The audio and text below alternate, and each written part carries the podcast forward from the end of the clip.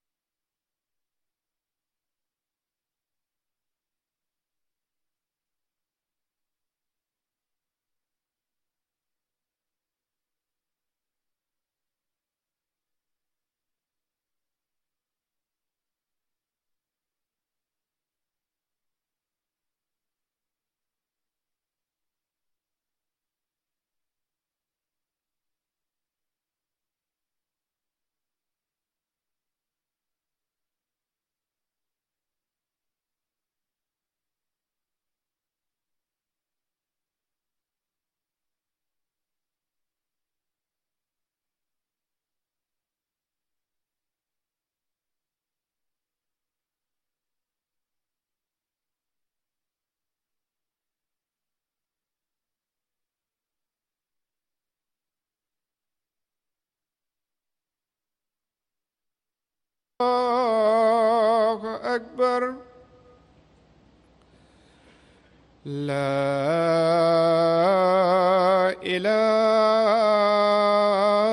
إله إلا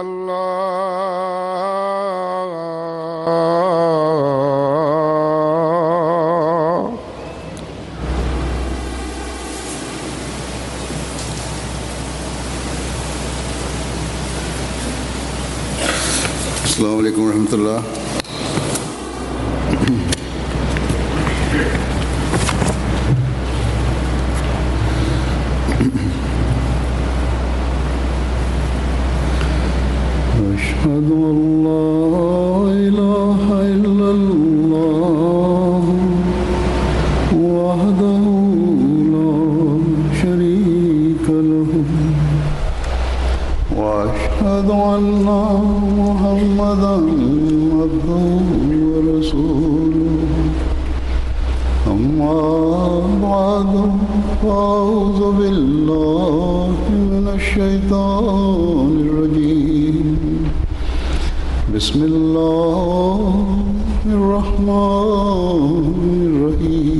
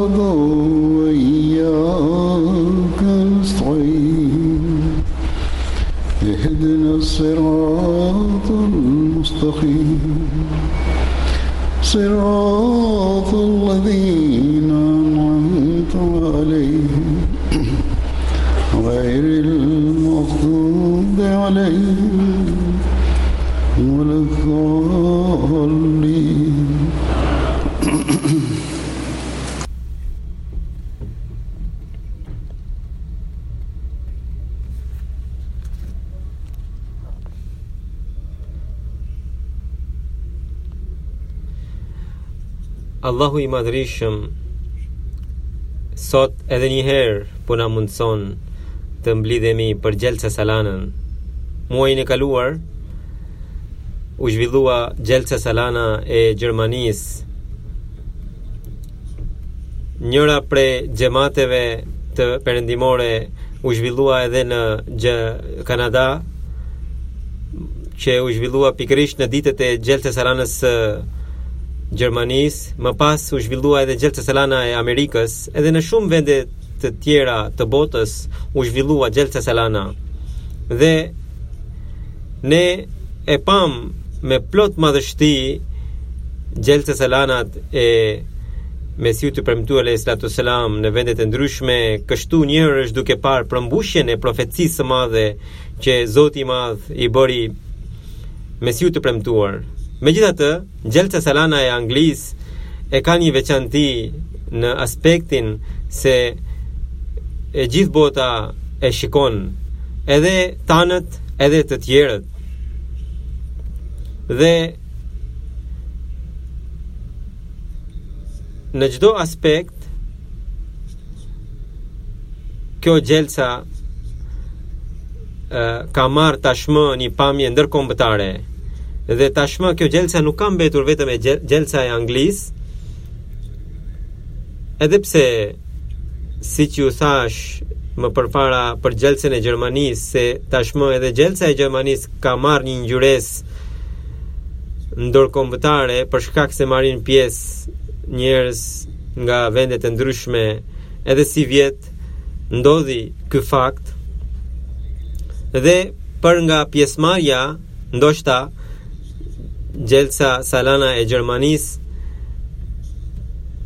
ka qenë më e madhe se sa këtu megjithatë xhelsa ndërkombëtare padyshim është kjo e Anglisë dhe njerëzit nga jashtë përpiqen maksimalisht për të marrë pjesë në këtë xhelsa, për shkak se këtu është edhe qendra e kalifatit. Për këtë arsye,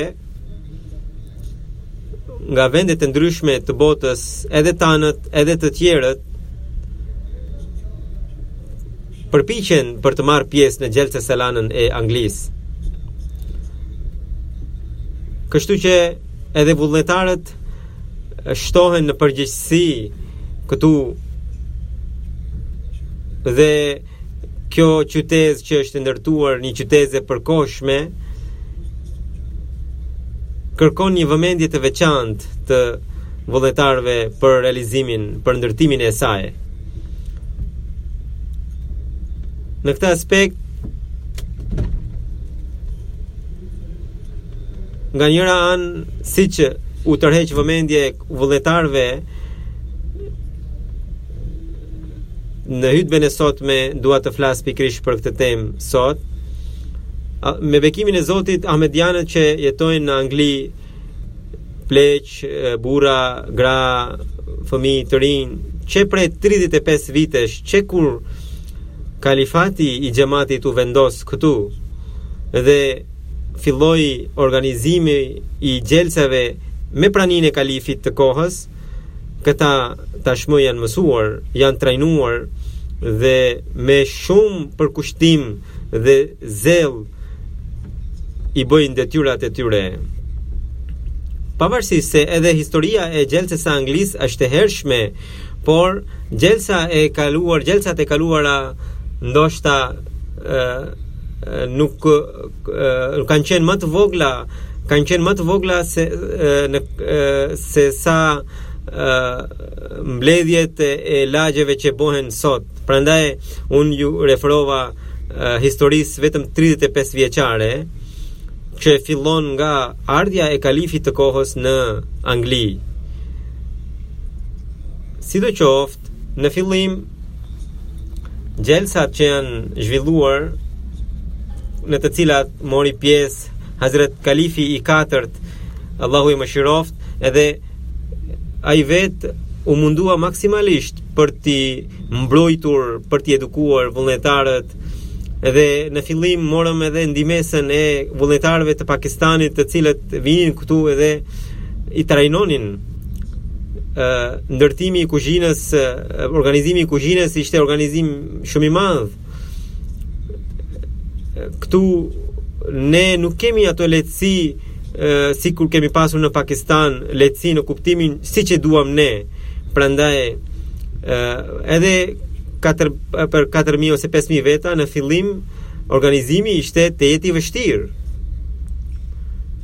ishte njësoj sikur të organizonim për 200.000 ose 300.000 veta,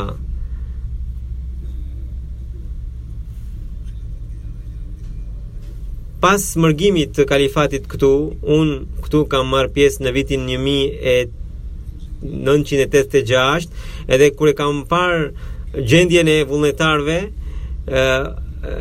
kisha përshtypjen se sa shumë i rëndon vullnetarët gjelsa që ku merrnin pjesë vetëm 4000-5000 veta, por sot shohim me sy se vullnetarët e këtushëm pa dysh vullnetarët e këtushëm tashmë kanë aftësi për të ndihmuar vullnetarët e Pakistanit vitin e kaluar buka që është shtruar pas e, inspektimit të gjelsës afër meje ishte ulur një prej zyrtarëve të të xhamatit të Pakistanit, i cili ai aty ishte edhe zëvendës Afsar Gjelsa Salana i Pakistanit. Pas buke pashë që ai thirri një përfaqësues të Pak Rabvas Pakistanit dhe po diskutonte diçka me të. E pyeta se çfarë po diskutonte. Më tha këtë bukë që po hamë ne është bukë shumë cilësore dhe ne në Rabva atë që bëjmë ne në Rabva aty çdo vit bëhet organizimi i gjelsës, pavarësisht se gjelsa nuk mbahet në mënyrë që makineria të jetë funksionale dhe anëtarët të kenë shprehi për të dhënë detyrat në gjelsa dhe ai thoshte që buka jonë atje nuk është e kësaj cilësie që bëhet këtu në Angli dhe unë po i thosha atij vullnetarit thotë ai që Ne duhet të marrim ë ë duhet të marrim të dhënat se çfarë përbërësish këta përdorin në mënyrë që edhe ne pra recetën edhe ne që ta kemi të njëjtën bukë me këtë të njëjtën cilësi. Pra, kështu që me bekimin e Zotit, vullnetarët e këtushëm pas gjithë kësaj periudhe janë regjur dhe janë bërë kaq të aftë saqë buka që ata pjekin u pëlqeka edhe vullnetarëve të Pakistanit. Sivjet inxhinierët që vullnetarët inxhinierë që po shërbejnë në roti plant, pra në impiantin e bukës, kanë bërë përmirësime edhe në përgatitjen e brumit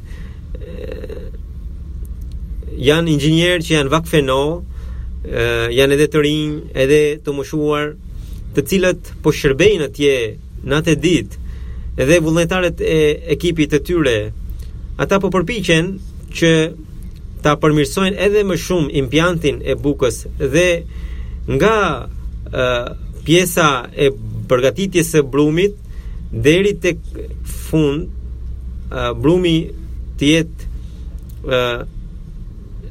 i pranishëm dhe të mos kemi nevojë të marrim një kontakt shtesë për të përcjell për të për të sjell brumin shtesë. Kjo nuk do të jetë kështu që ne do të eliminojmë një ekip të tërë, por ai ekipi që sjell brumin shtesë, do të organi sistemohet diku tjetër. Kjo është pikërisht vetia e xhamatit që vullnetarët me një zell dhe me një dëshirë të madhe japin maksimumin e tyre me të gjitha aftësitë e tyre. Pra, Qëllimi për të cilin po e them këtë që ishte dikur ishte koha kur për organizatorët ishte sfidë e madhe për të ushqyer 4000 ose 5000 veta dhe 90% e bukës blihej nga jashtë. Kishim një impiant të, të përdorur dhe edhe ajo shpesh pësonte avari dhe inxhinierët çanin kokën dhe përpiqeshin për ta zgjidhur edhe gjithsej disa mijë bukë nxirrte edhe ajo nuk vinte rrumbullakët por kështu me e, e, pjesë pjesë e tani është ajo kohë kur me bekimin e Zotit për 20.000 veta në qindra mijëra copë bukë dalin edhe cilësia është ajo që sapo ju kam përmendur edhe e kam provuar vetë edhe njerëzve u ka pëlqyer unë vetë herë pas here e provoj edhe alhamdulillah cilësia është shumë më e lartë se sa ajo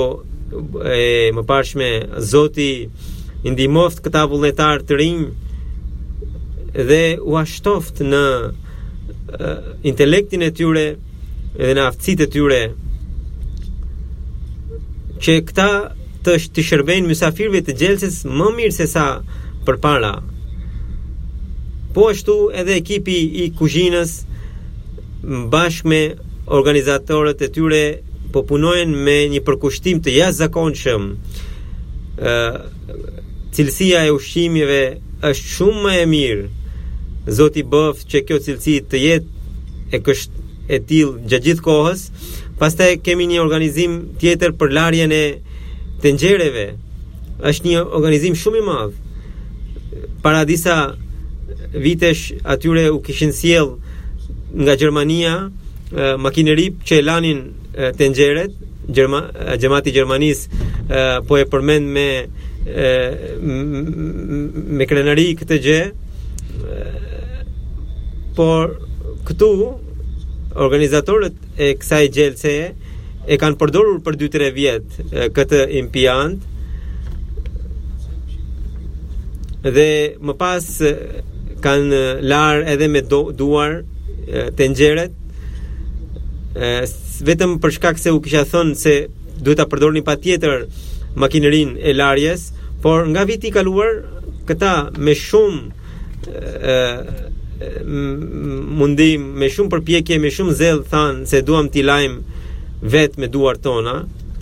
Sepse kështu ne i lajmë në më pak kohë, madje në një të tretën e asaj kohe që mund t'i lajë makineria. Dhe i lajmë edhe më të pastër. Unë i thashë me shaka organizatorit të kësaj këtij sektori që Si duket keni lënë xhindë në këtë sektor që e bëjnë gjithë këtë punë. Ndërsa xhemati i Gjermanisë akoma nuk është gati të bindet se në kaq pak kohë lahen gjithë këto tenxhere. Sidoqoftë, organizatorët e këtij sektori po bëjnë një punë të madhe me një mundim të jashtëzakonshëm. ë Kjo kjo punë kërkon shumë mundim. Në Pakistan, në Kadian, Pra në Indi këtë punë më përpara bënin punëtorët ku xhemati i paguante, por këtu ne shohim në perëndim që vullnetarët këtë punë e bëjnë vullnetarisht me zell të madh. Gjithashtu organizimi i shpërndarjes së ushqimit sivjet e kanë përmirësuar, kanë zgjeruar çadrat në mënyrë që mysafirët me shumë lehtësi dhe në shumë pak kohë të ushqehen pa pengesë. Pastaj ka edhe sektorë të tjerë. Njëra është e pastërtisë, sektori i parkimit të makinave, sektori i trafikut, se dhe ka shumë sektorë të tjerë të ndryshëm. Sektori tjetër që është shumë i rëndësishëm është i sigurisë. Edhe gjithashtu edhe sektorë të tjerë, të cilët po bëjnë punën e tyre. Secili sektor në fakt ka rëndësinë e vet.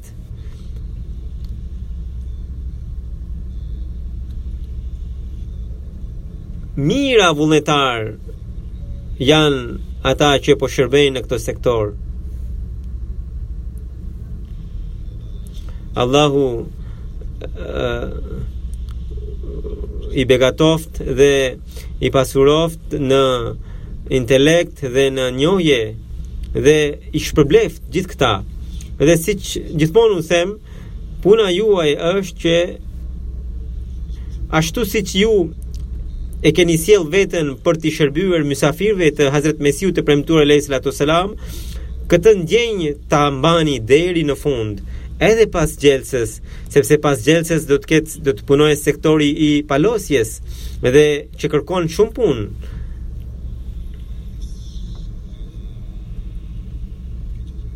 Kjo ndjenjë, kjo shfaqje duhet të jetë e shoqëruar me buzëqeshjen e fytyrave tuaja dhe me sjelljen tuaj plot respekt me mysafirët që vijnë këtu. Prandaj vullnetarët dhe vullnetaret që po u shërbejnë mysafirëve në pozicione të ndryshme, gjithnjë ta kenë parasysh se ata po marrin shpërblim të dyfishtë në këtë xhelsa. Dhe po marrin bekime të dyfishta. Njëra që po marrin pjesë në xhelsa, së dyti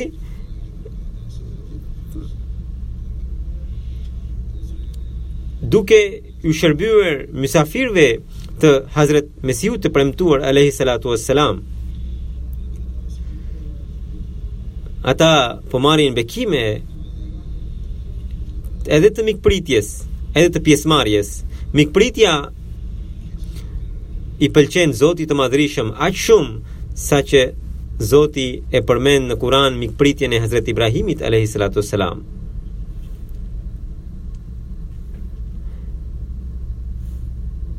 Më është këputur pak zëri i huzurit. Pra, Zoti ka përmendur se si Ibrahimi alayhis salam paraqiti një mish të pjekur menjëherë pasi e përshëndeti mysafirin solli një kec të pjekur fa Allahu thot fa ma labisa an jaa bi ijlin haniz që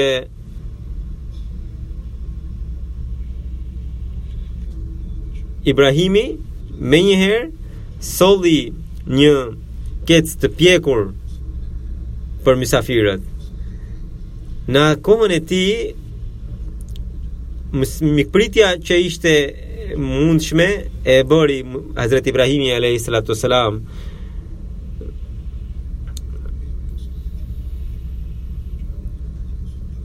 dhe Tradita që ishte në atë kohë, Ibrahimi alayhi salatu wasalam e ka ruajtur edhe edhe sot ne duhet ta bëjmë mikpritjen sipas kohës aktuale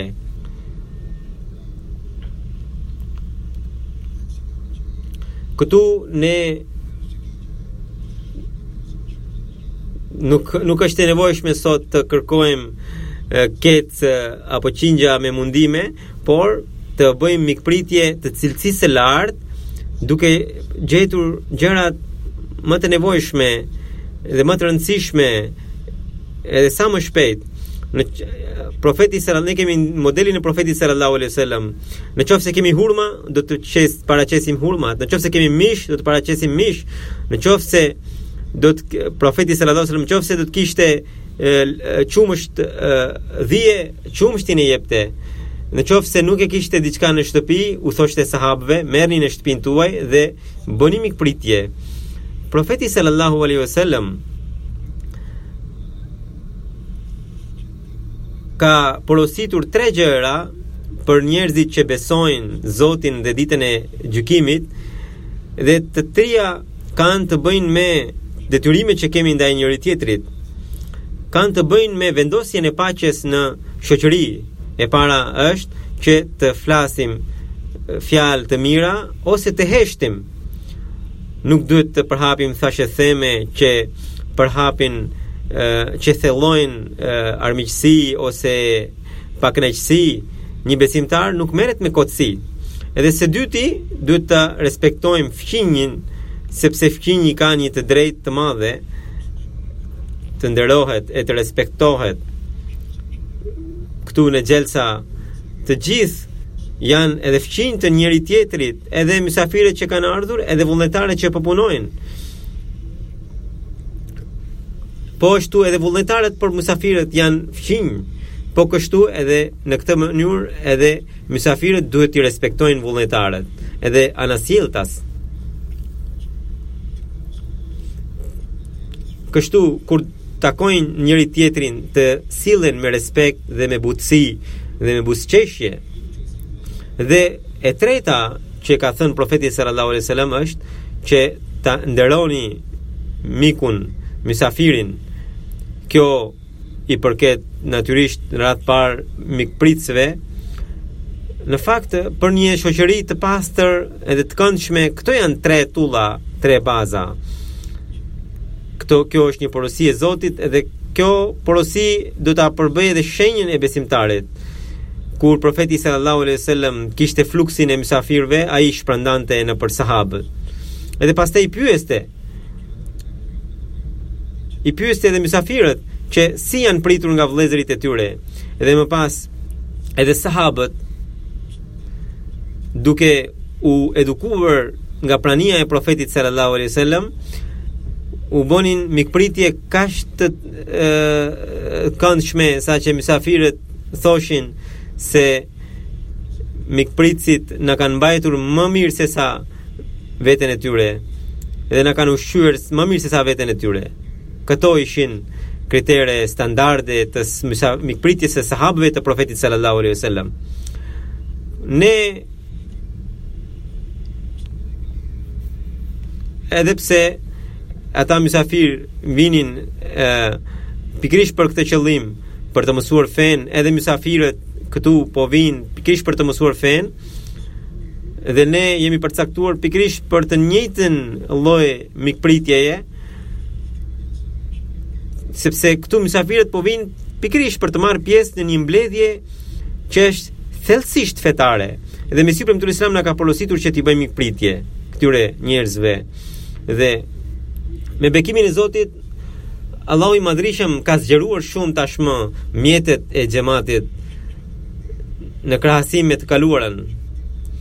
Dhe sipas sistemit të xhamatit kemi organizime të mikpritjes madje disa shtëpi kanë organizime ku ata presin mysafirët edhe ata vijnë në kuzhinën e xhamatit marrin ushqimin për mysafirët e tyre.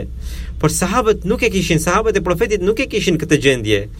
Ata nuk e kishin një organizim qendror ku buka gjithnjë të jetë hazër. Edhe vetë gjendja e tyre personale, financiare, shumica prej tyre ishin të dobët. financiarisht. Madje ka plot ngjarje ku ata kanë mbajtur fëmijët pa bukë edhe veten edhe atë ushqim të pakët që kishin ua dhanë mysafirëve edhe më pas Zoti i madhërishëm u gëzua nga ky veprimi i tyre dhe Më pas e njoftoi profetin Muhammed sallallahu alaihi wasallam që filan sahabi yt e ka vepruar kështu. Prandaj ne kemi porosinë që ta ndjekim pikërisht modelin e tyre. Ata sakrifikonin për t'u bërë mikpritje mysafirëve. Kur ne sot me bekimin e Zotit, kemi plot njerëz në xhamatin e Mesihut të Premtuar alayhi salatu selam që bëjnë mikpritje me këtë ndjenjë të sakrificës. Edhe pikërisht kështu duhet ta bëjmë. Pavarësisht nga mjetet e xhamatit, ka shumë njerëz që vetë duan të bëjnë mikpritje në shtëpitë e tyre. Vullnetarët që janë në çfarëdo lloj detyre, u duhet që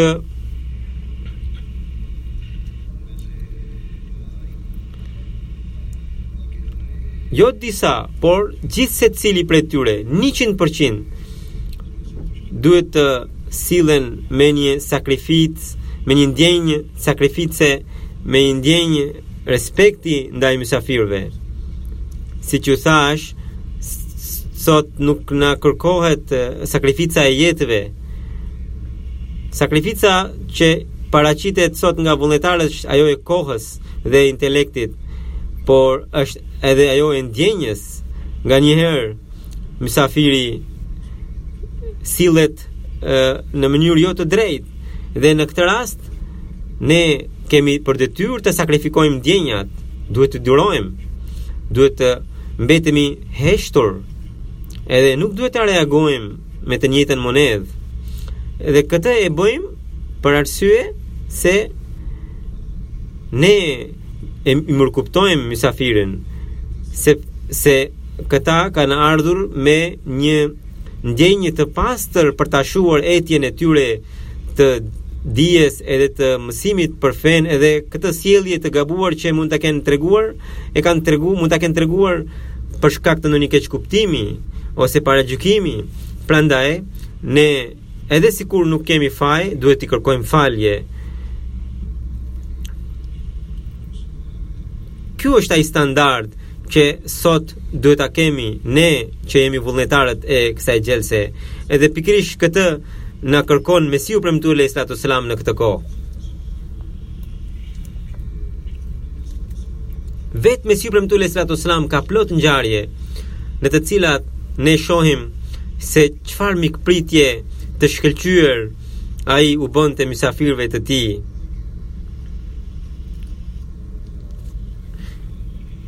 Standardi i mikpritjes së tij ishte shumë i lartë. Një herë nga një vend shumë i largët erdhën disa mysafirë në Kadian dhe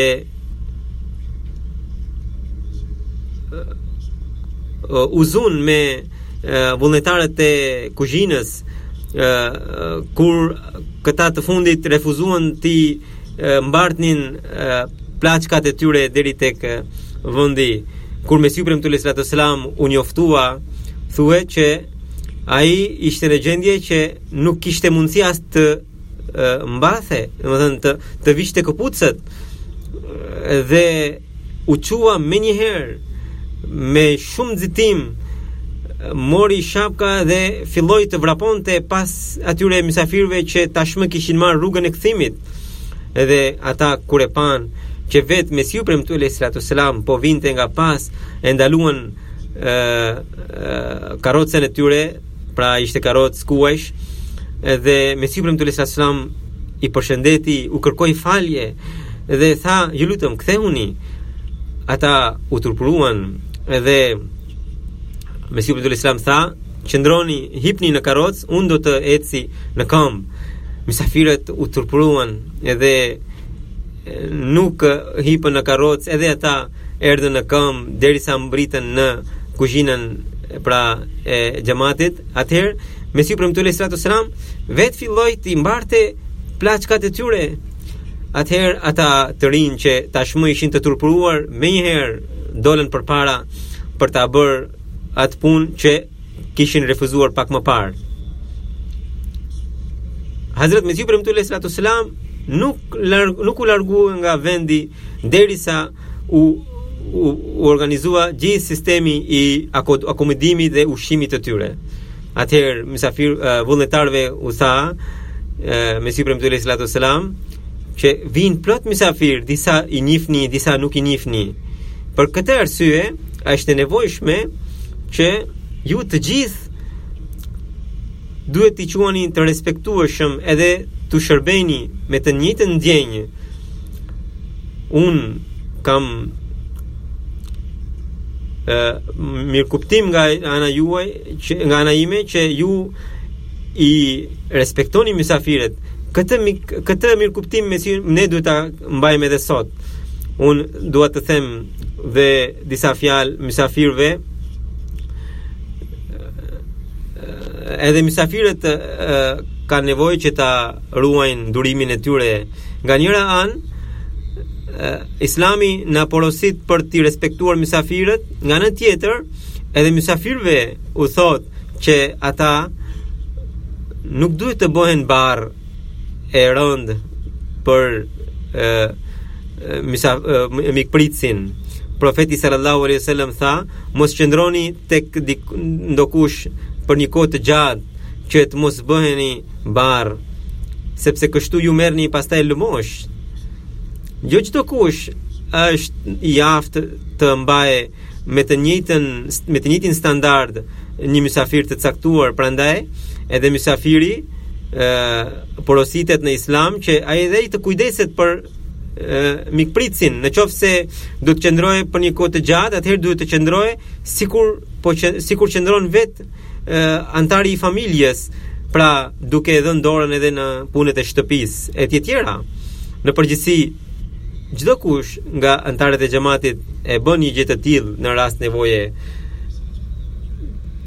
Kur do të kemi këtë ndjenjë që ë tjetri është barrë mbi ne, atëherë mungon ë sinqeriteti dhe kur mungon sinqeriteti vetvetiu fillojnë të shfaqen avari dhe pakënaqësi prandaj edhe mysafiri e ka për detyrë që përgjegjësi që i përkasin atij t'i realizojë, t'i përmbushë, Nëse miku ë ka të drejtën që të mirëpritet, edhe mikpritësi ka të drejtën që atij të mos i shtohet barrë më shumë se sa i takon. Prandaj profeti sallallahu alaihi wasallam ka caktuar një një limit për mikpritje, një limit ditore. Prandaj këtu dua t'u them organizatorëve që në xhelsa në qoftë se vijnë qëndrojnë edhe sikur të qëndrojnë një muaj, ne jemi të obliguar t'u shërbejmë këtyre mysafirëve. Nuk duhet të mendoni që këta pas 3 ditëve nuk janë mysafirët tanë. Jo, Njëherë, Mesihu i Premtuar alejhi salatu selam, ka treguar që kuzhina është njëra prej degëve kryesore të organizimit të xhamatit dhe për këtë arsye Mesihu i Premtuar alejhi salatu selam ka porositur që mysafirët që vijnë jo vetëm në xhelsa, por gjatë gjithë vitit me ta ne duhet të sillemi me virtyte shumë të larta në mënyrë që ata ta gjejnë gjendjen shpirtërore për të cilën kanë ardhur. Njëra prej porosive të profetit sallallahu alejhi ve sellem është që ne të përhapim selamin, përshëndetjen. Profeti sallallahu alejhi ve sellem duke përshkruar atributet, cilësitë e banorëve të xhenetit, është që ata përhapin selam, përhapin paqe, për madje tha, përshëndeteni edhe atë që e njifni, edhe atë që nuk e njifni. Dhe Mesihu i Premtuar alejhi salatu wasalam gjithashtu, njëra prej qëllimeve të xhelsës ka treguar se një, në mënyrë që njerëzit të mblidhen edhe të takojnë njëri-tjetrin edhe ky takim shton dashuri njohje prandaj selam dhe përshëndetje është një mjet kyç për ta shtuar këtë dashuri dhe këtë njohje. Është një ë mjet për ta shtuar vëllazërinë ndërsjellë. Dhe kjo gjithashtu ka edhe një dobi tjetër. Ata që kanë ndonjë inate, kanë inate të vjetra, edhe ato pastrohen. Dhe ata që kanë ardhur këtu kanë ardhur vetëm për hir të Zotit, edhe pikërisht për këtë ndjenjë duhet të vijnë. Ardhja e tyre është një ardhje e e me qëllimin hyjnor, Pra, për ta mësuar fenë, për ta shuar etjen e fesë, atëherë ne duhet t'i përmirësojmë edhe marrëdhëniet tona që ndaj njëri-tjetrit, inatet, mëritë, që mund t'i kemi, duhet të duhet të përpiqemi maksimalisht t'i largojmë ato. Mesiu i premtuar alayhi salatu selam gjithashtu tha se duke marr pjesë në xhelsa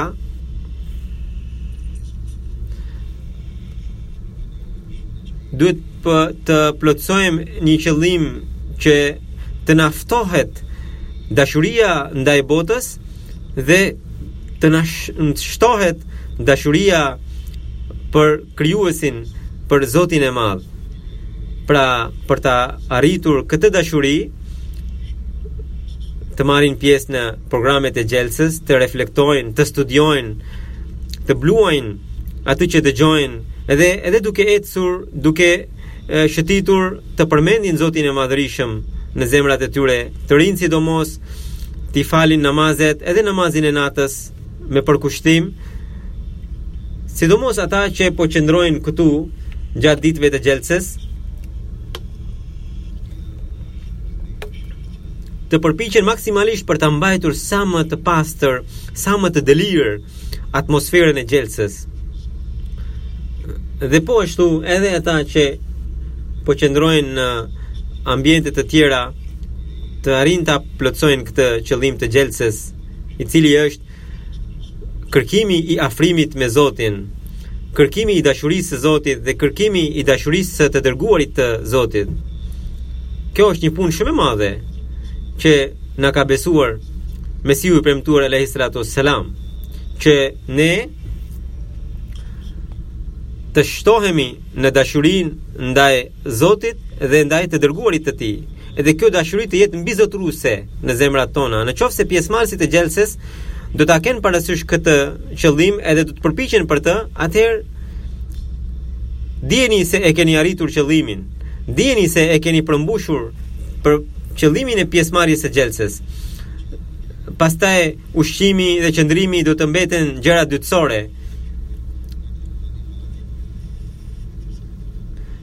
Kryesorja është që ne ta përmirësojmë gjendjen tonë shpirtërore, ta e, gradojmë atë lart e më lart. Po e arritëm këtë, siç ju thash, e kemi arritur qëllimin e xhelses. Po ashtu, mysafirët ta kenë parasysh edhe nga organizimet që në këto organizime disi mbeten e, mangësi Në qoftë se shikojnë mangësi të tilla, tolerojni, anashkaloni. U kam thënë vullnetarëve që ata të durojnë ë pakënaqësitë e mysafirëve, por edhe mysafirët kanë për, kanë për detyrë t'i tolerojnë dhe t'i anashkalojnë ë mangësitë e, e vullnetarëve edhe në qoftë se shikojnë një situatë të tillë, u japin dorën Vullnetarëve unë kam parë vetë shumë mysafirë që vetë bëhen mikpritës edhe madje ë kur ka shumë fluks shkojnë edhe pastrojnë banjot, edhe pse janë mysafirë. Hmm.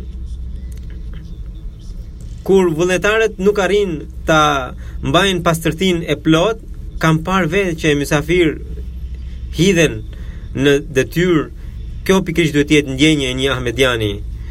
Ky pikërisht ai shpirti i cili do ta mbajë gjallë atmosferën e sinqertë që ka xhemati në mbarë botën, jo vetëm në Xhelsa.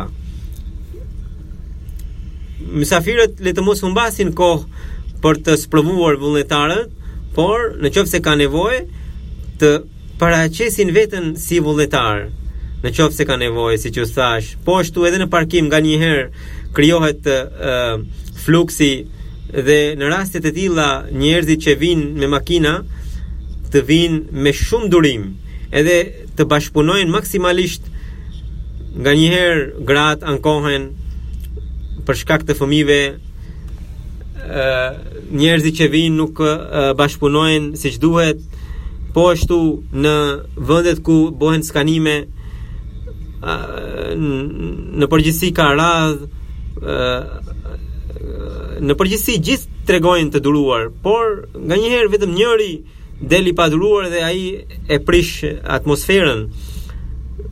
Në atë rast, çdokush, edhe sikur të vonohet, duhet të presë. Nuk ka problem. Më mirë të prisni sepse kështu do të kanalizohet edhe sistemi ose puna e, e, e organizimit. Gjithashtu Shikoni djathtas, majtas të jeni vigjilentë edhe duke ecur, të jeni vigjilentë në aspektin e sigurisë. Për çdo rast organizatorët e sigurisë çfarëdo lloj udhëzimi që japin, zbatojeni. Sidomos mbi të gjitha, dua t'ju them që për suksesin e xhelsës, për përmbushjen e qëllimit të xhelsës dhe për mbrojtjen nga çdo çdo përpjekje të armikut, lutuni Zotit, sidomos në këtë kohë, edhe në këtë ditë ahmedianët në Pakistan në janë në gjendje shumë të vështirë. Lutuni Zotit që aty duket se Ahmedianët do të kenë një kohë më të vështirë. Allahu i ruajtë. Allahu i ruajtë nga çdo sherr i kundërshtarëve. Zoti bëftë që planet e reja dhe të vjetra të kundërshtarëve të dështojnë. Gjithashtu dua t'u them pjesëmarrëve të xhelsës që edhe në këtë edhe këtë vit sektorë të ndryshëm, kemi edhe review of religions, kemi archives, kemi ekspozita, këto kanë vendosur ekspozitat e tyre, edhe ka shumë ekspozita informuese, kur keni kohë të lirë, kaloni në këto ekspozita për të përfituar sa më shumë. Gjithashtu është një njoftim nga kanali MTA. Ata kanë do të lançojnë sot një app, një app të ri.